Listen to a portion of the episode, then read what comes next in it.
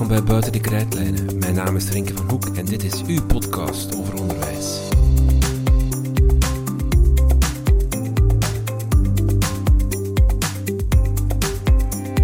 De komende maanden gaan we af en toe op wereldreis. We maken een podcastreeks over onderwijs in de wereld. Want er is volgens ons nog heel veel dat we kunnen leren van andere landen op gebied van onderwijs. We doen dit samen met het VVOB, het VVOB Education for Development is een institutionele ontwikkelingsorganisatie die al 40 jaar werkt aan de duurzame verbetering van de kwaliteit van onderwijs wereldwijd. Ze proberen te bouwen aan een rechtvaardige wereld waarin overheden in staat zijn om het fundamentele recht op kwaliteitsvol onderwijs te garanderen en te realiseren. Het VVOB werkt onder meer in België en in acht landen in Afrika, Zuid-Amerika en Azië. Dit netwerk is enorm waardevol, ook voor het Vlaamse onderwijsveld. Met Inspired, het VVOB-programma rond gelijke onderwijskansen, brengt het VVOB een internationale dialoog tot stand. Onderwijsactoren laten zich via praktijkvoorbeelden uit Afrika, Azië en Zuid-Amerika inspireren over hoe werken aan gelijke onderwijskansen en omgaan met diversiteit in Vlaanderen anders kan. De komende maanden mag je dus af en toe een kijkje over het muurtje verwachten en gaan we op zoek naar hoe andere landen werken rond gelijke onderwijskansen. Vandaag trekken we naar Suriname en praten we over kwetsbaarheid.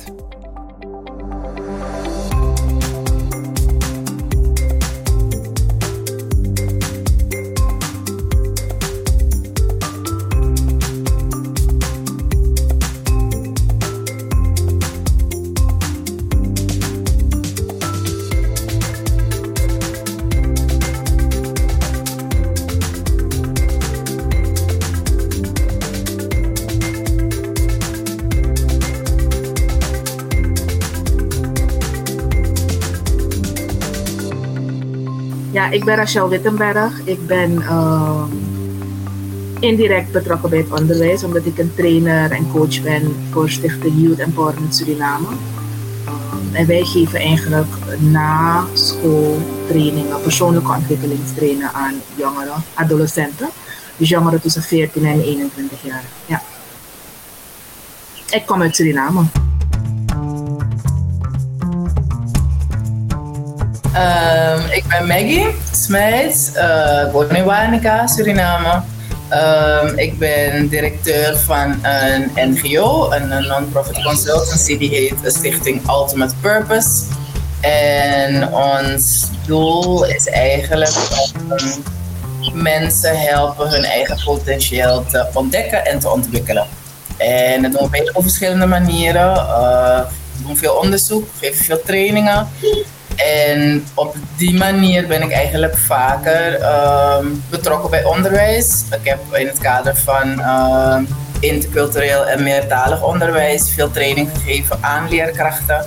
Ik heb in het kader van gender- en probleemgedrag uh, veel training gegeven aan leerkrachten. En ik werk ook vaak met jongere leerlingen samen.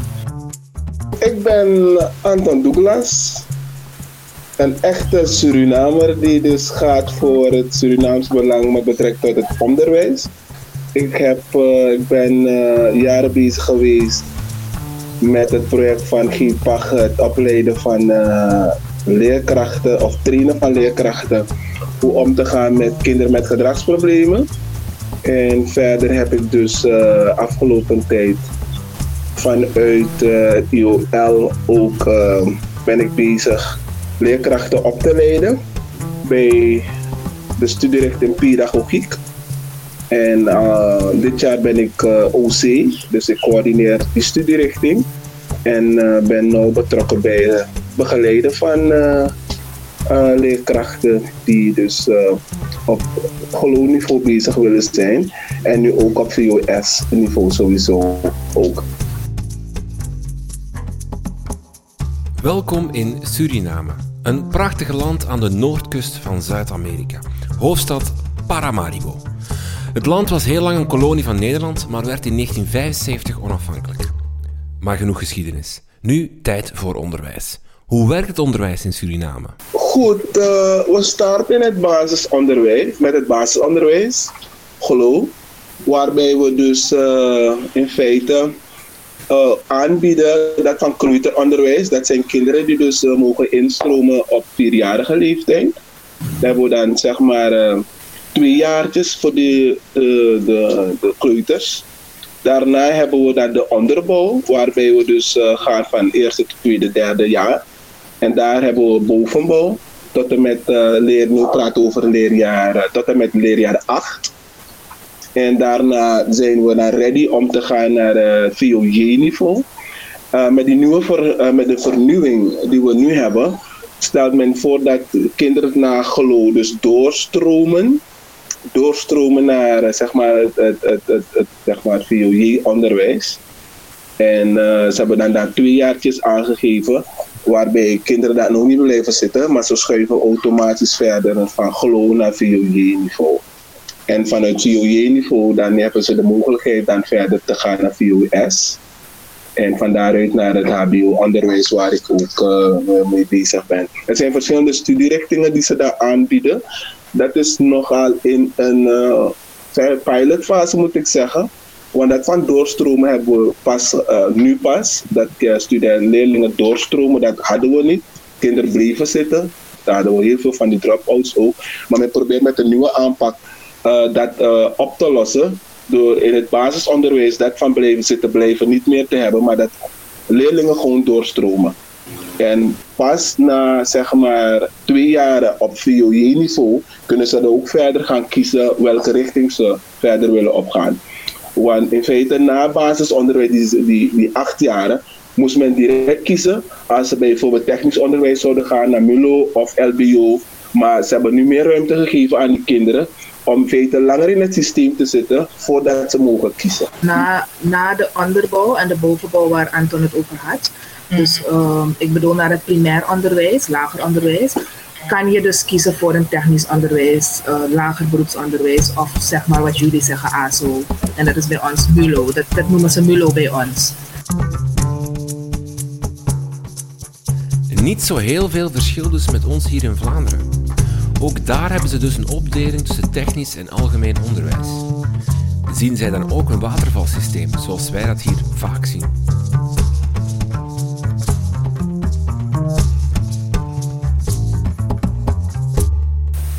Ja, ja want als, uh, um, als ze van lager onderwijs zeg maar, genoeg punten hebben gehaald om te gaan naar de MULO, ASO, dan, en het lukt ze niet. Ze hebben twee keer de kans. Meneer Anton, als ik het goed heb, ze hebben twee keer de kans. En als het ze niet lukt, worden ze automatisch, uh, krijgen ze schooladvies. En dan gaan ze of naar technisch onderwijs of naar uh, lager beroepsonderwijs. Mm, dus in die sens is het er wel. Uh, en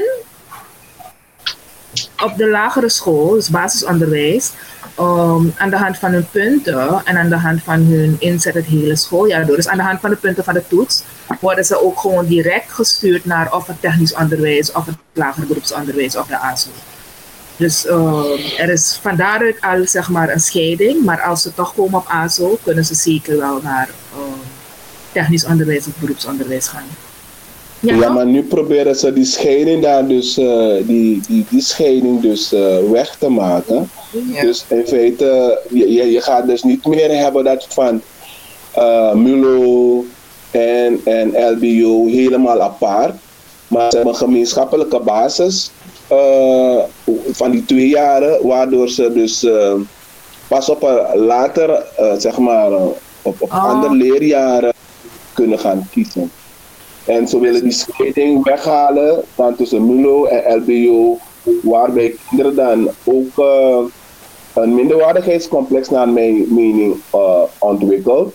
Want MULO was de best, weet je. MULO, als je bij MULO, MULO bent geslaagd, dan ben je geweldig, want dan heb je meer mogelijkheden. Dus dat probeert mij ook weg te maken met die nieuwe aanpak nu. Want uh, daardoor krijg je dan kinderen die dan in, uh, te vroeg kiezen en dan te vroeg weggeselecteerd worden. Als, uh, dus, uh, dus dat proberen met de nieuwe aanpak.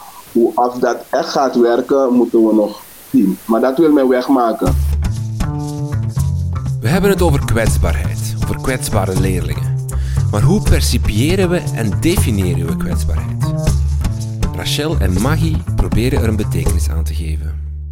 Ik heb echt ehm, gedacht gevoeligheid met behoefte aan zorg. Dat was zeg maar één van wa- waarop ik kwam.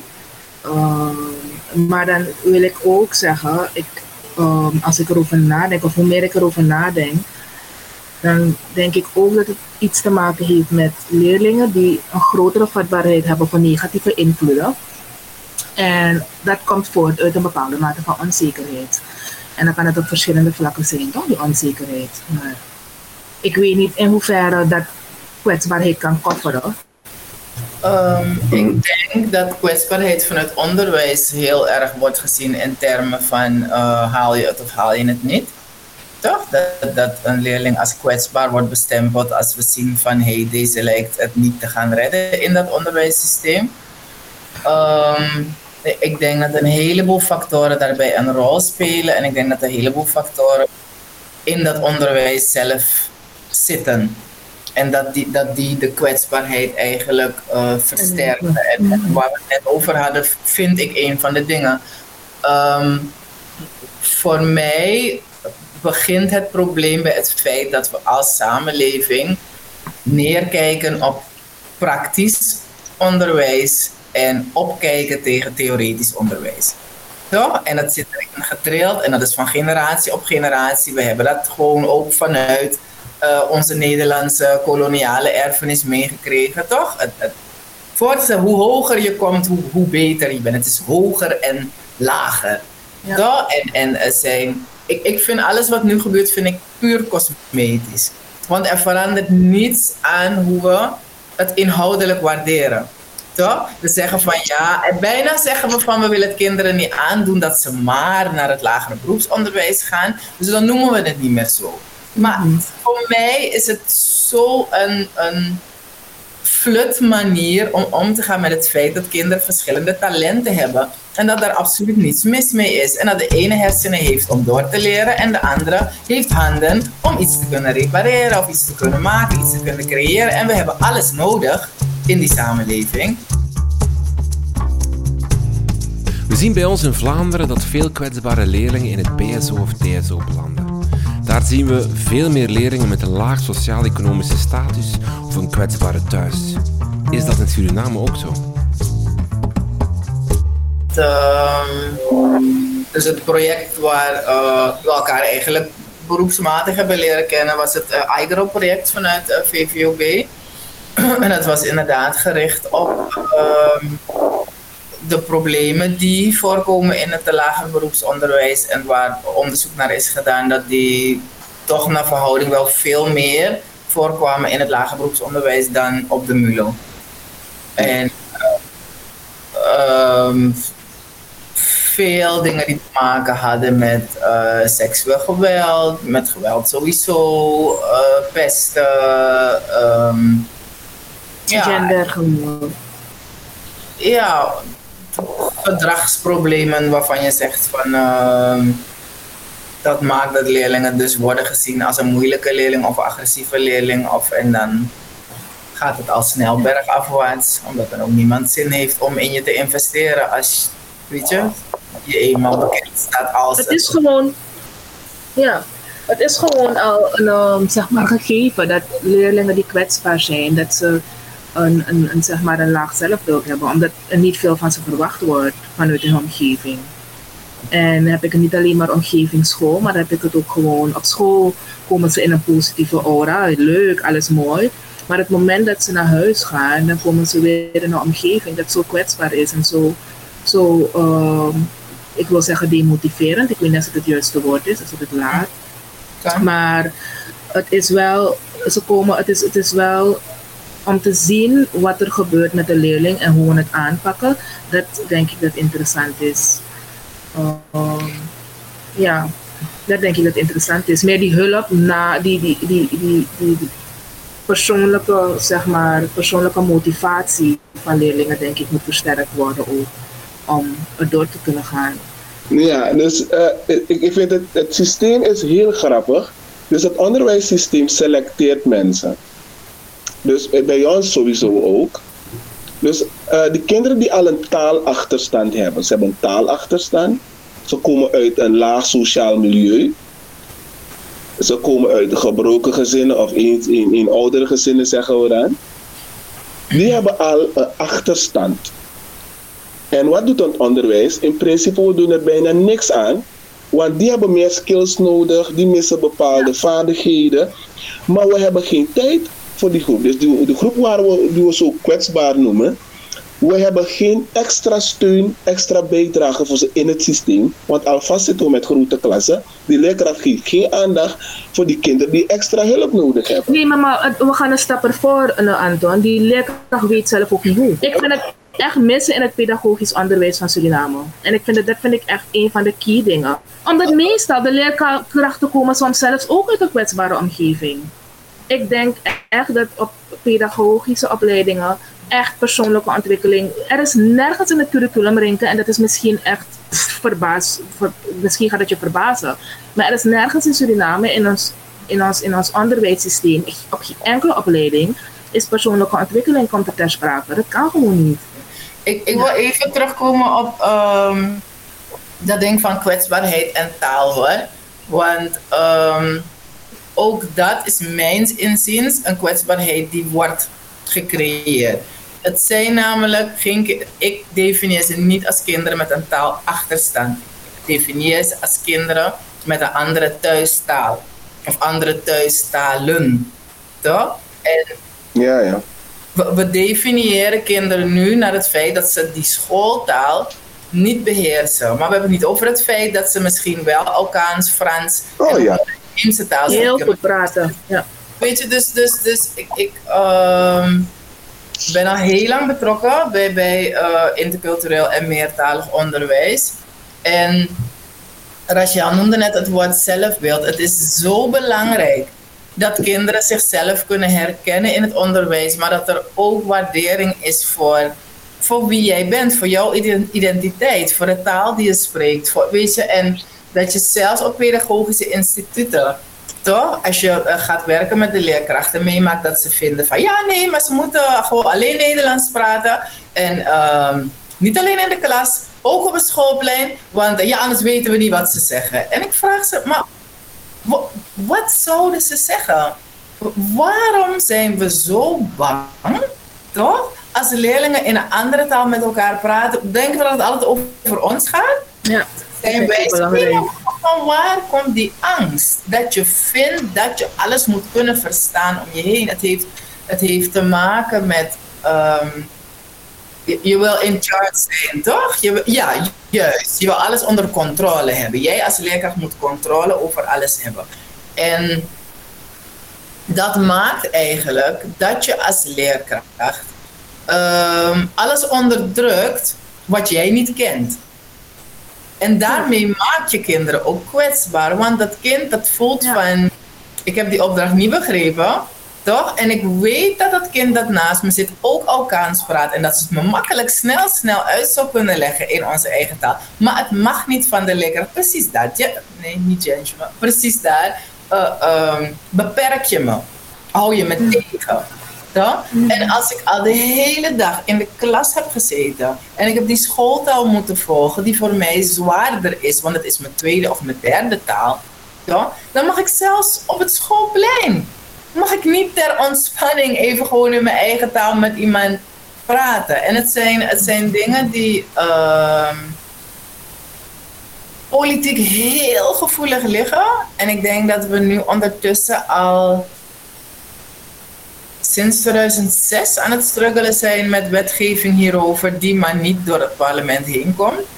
Weet je, omdat uh, eigenlijk iedereen zoiets heeft van ja, nee, maar we gaan geen. Uh, Sranantongo is eigenlijk de taal die door de meeste mensen verstaan wordt. In Suriname is, is een uh, mengvorm die, die oorspronkelijk vanuit en de Afrikaanse talen, Engels, Nederlands, Portugees, weet je, waardoor mensen elkaar konden begrijpen.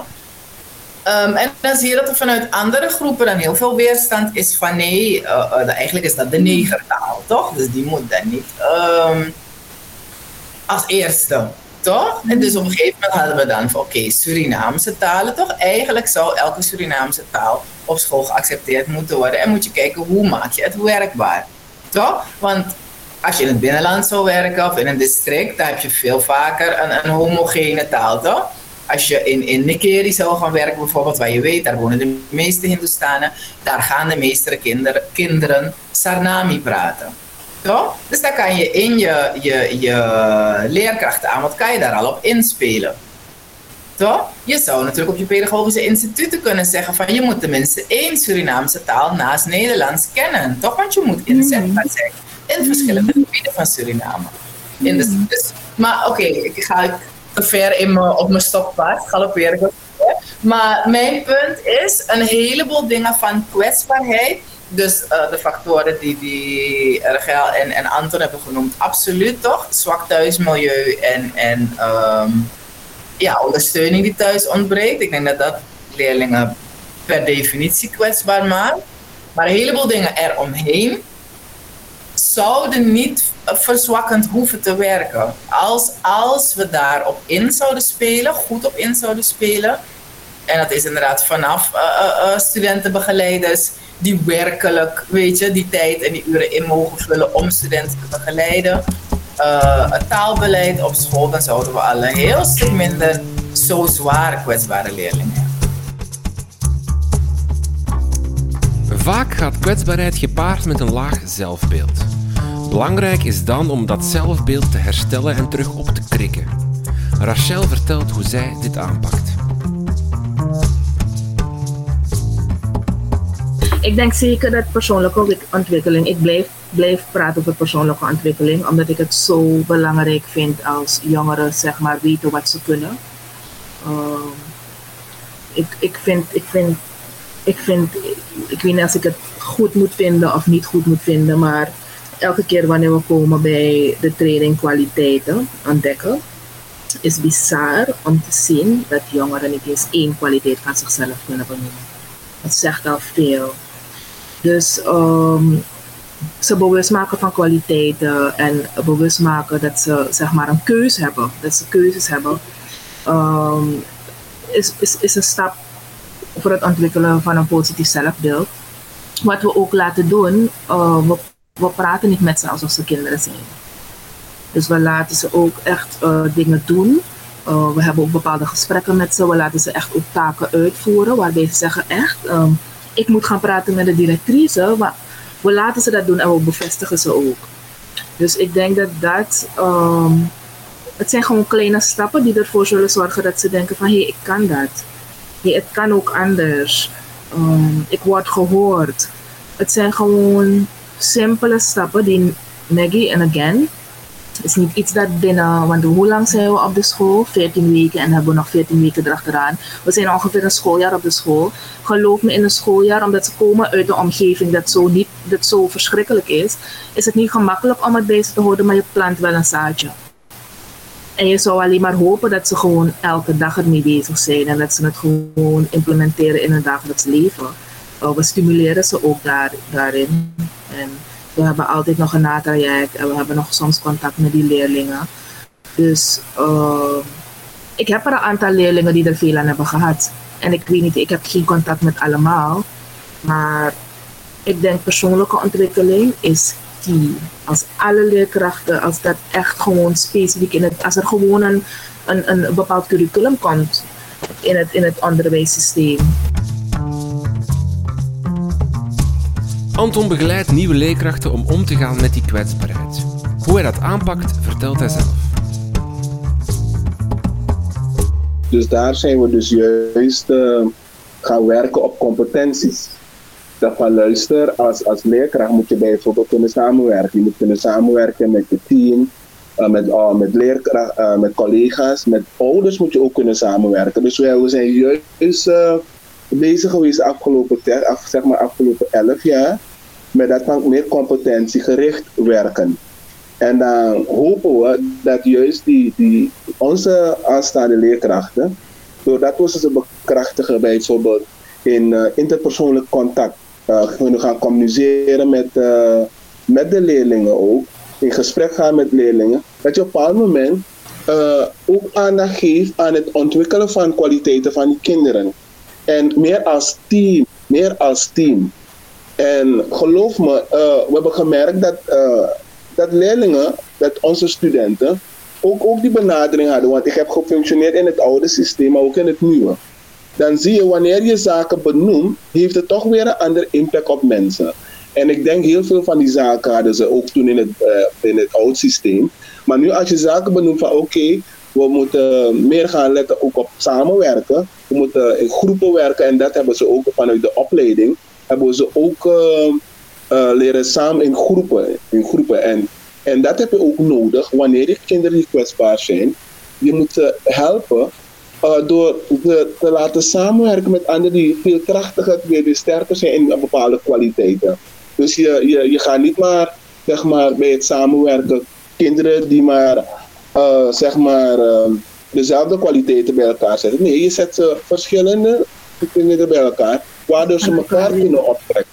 Waardoor ze iets aan elkaar Want in het verleden had je zelf in dat soort van uh, stomme dingen. Maar doordat je denkt aan samenwerken en zo, heb je iets van, nee, kinderen kunnen elkaar optrekken. Die ene is beter in het schrijven van zaken, de andere is beter in het verwoorden van zaken. Dus met competentiegericht werken hebben we uh, getracht, in feite. Dus ook uh, een stukje kwetsbaarheid eruit. Je kan niet helemaal eruit halen, maar je kan daaraan gaan werken. Door jouw eigen studenten te bekrachtigen en ze te helpen om ook in staat te zijn om bijvoorbeeld mensen te helpen om samen te werken met elkaar, waardoor ze elkaar optrekken.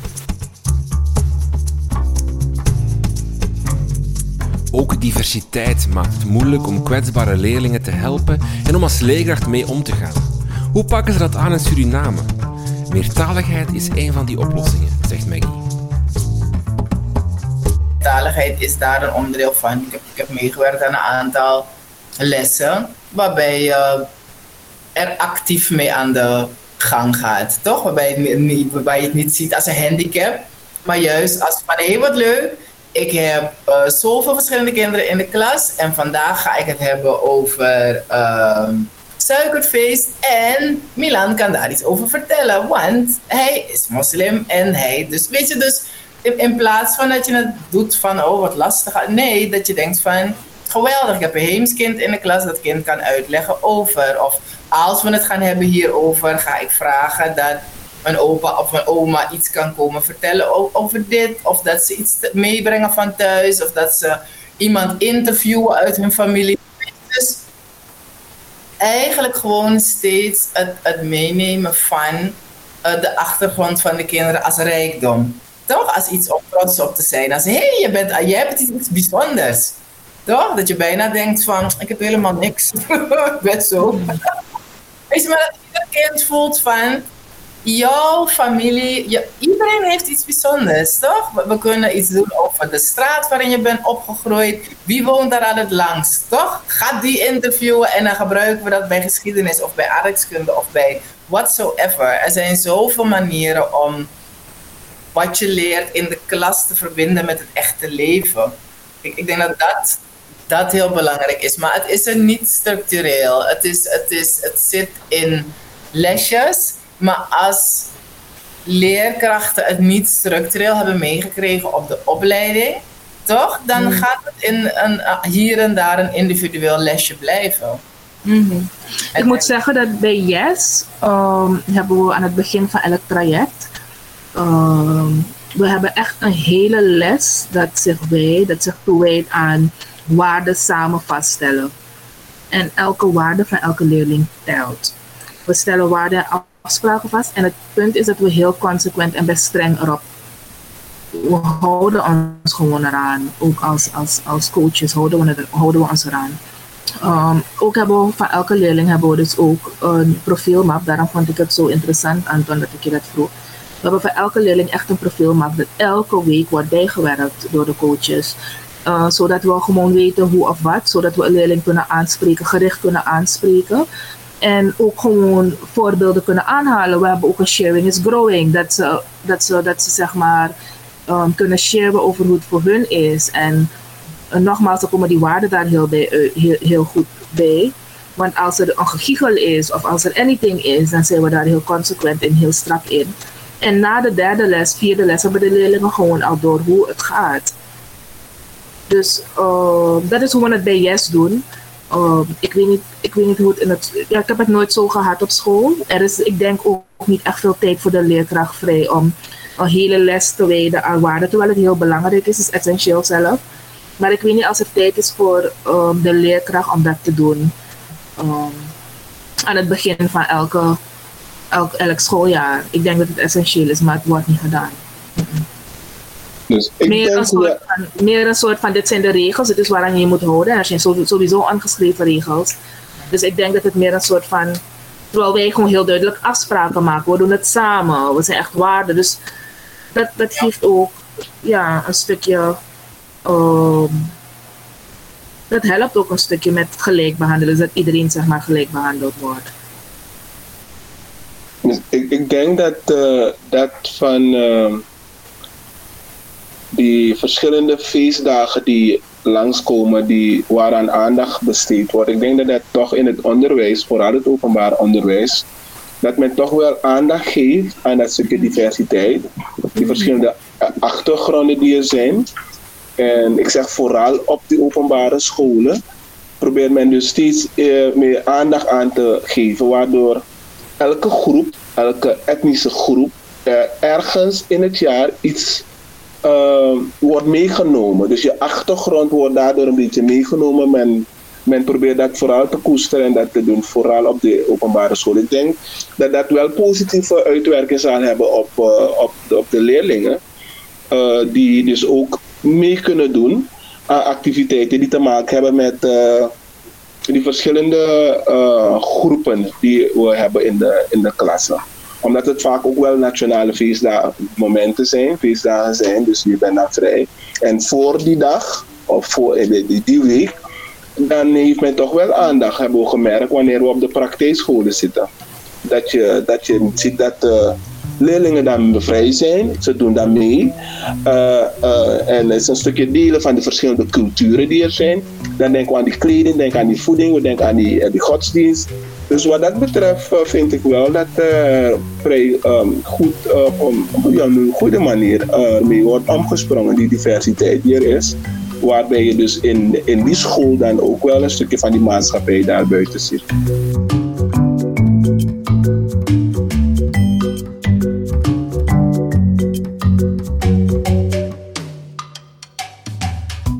Inkijk in het onderwijs in Suriname met een specifieke focus op het begeleiden en helpen van kwetsbare leerlingen.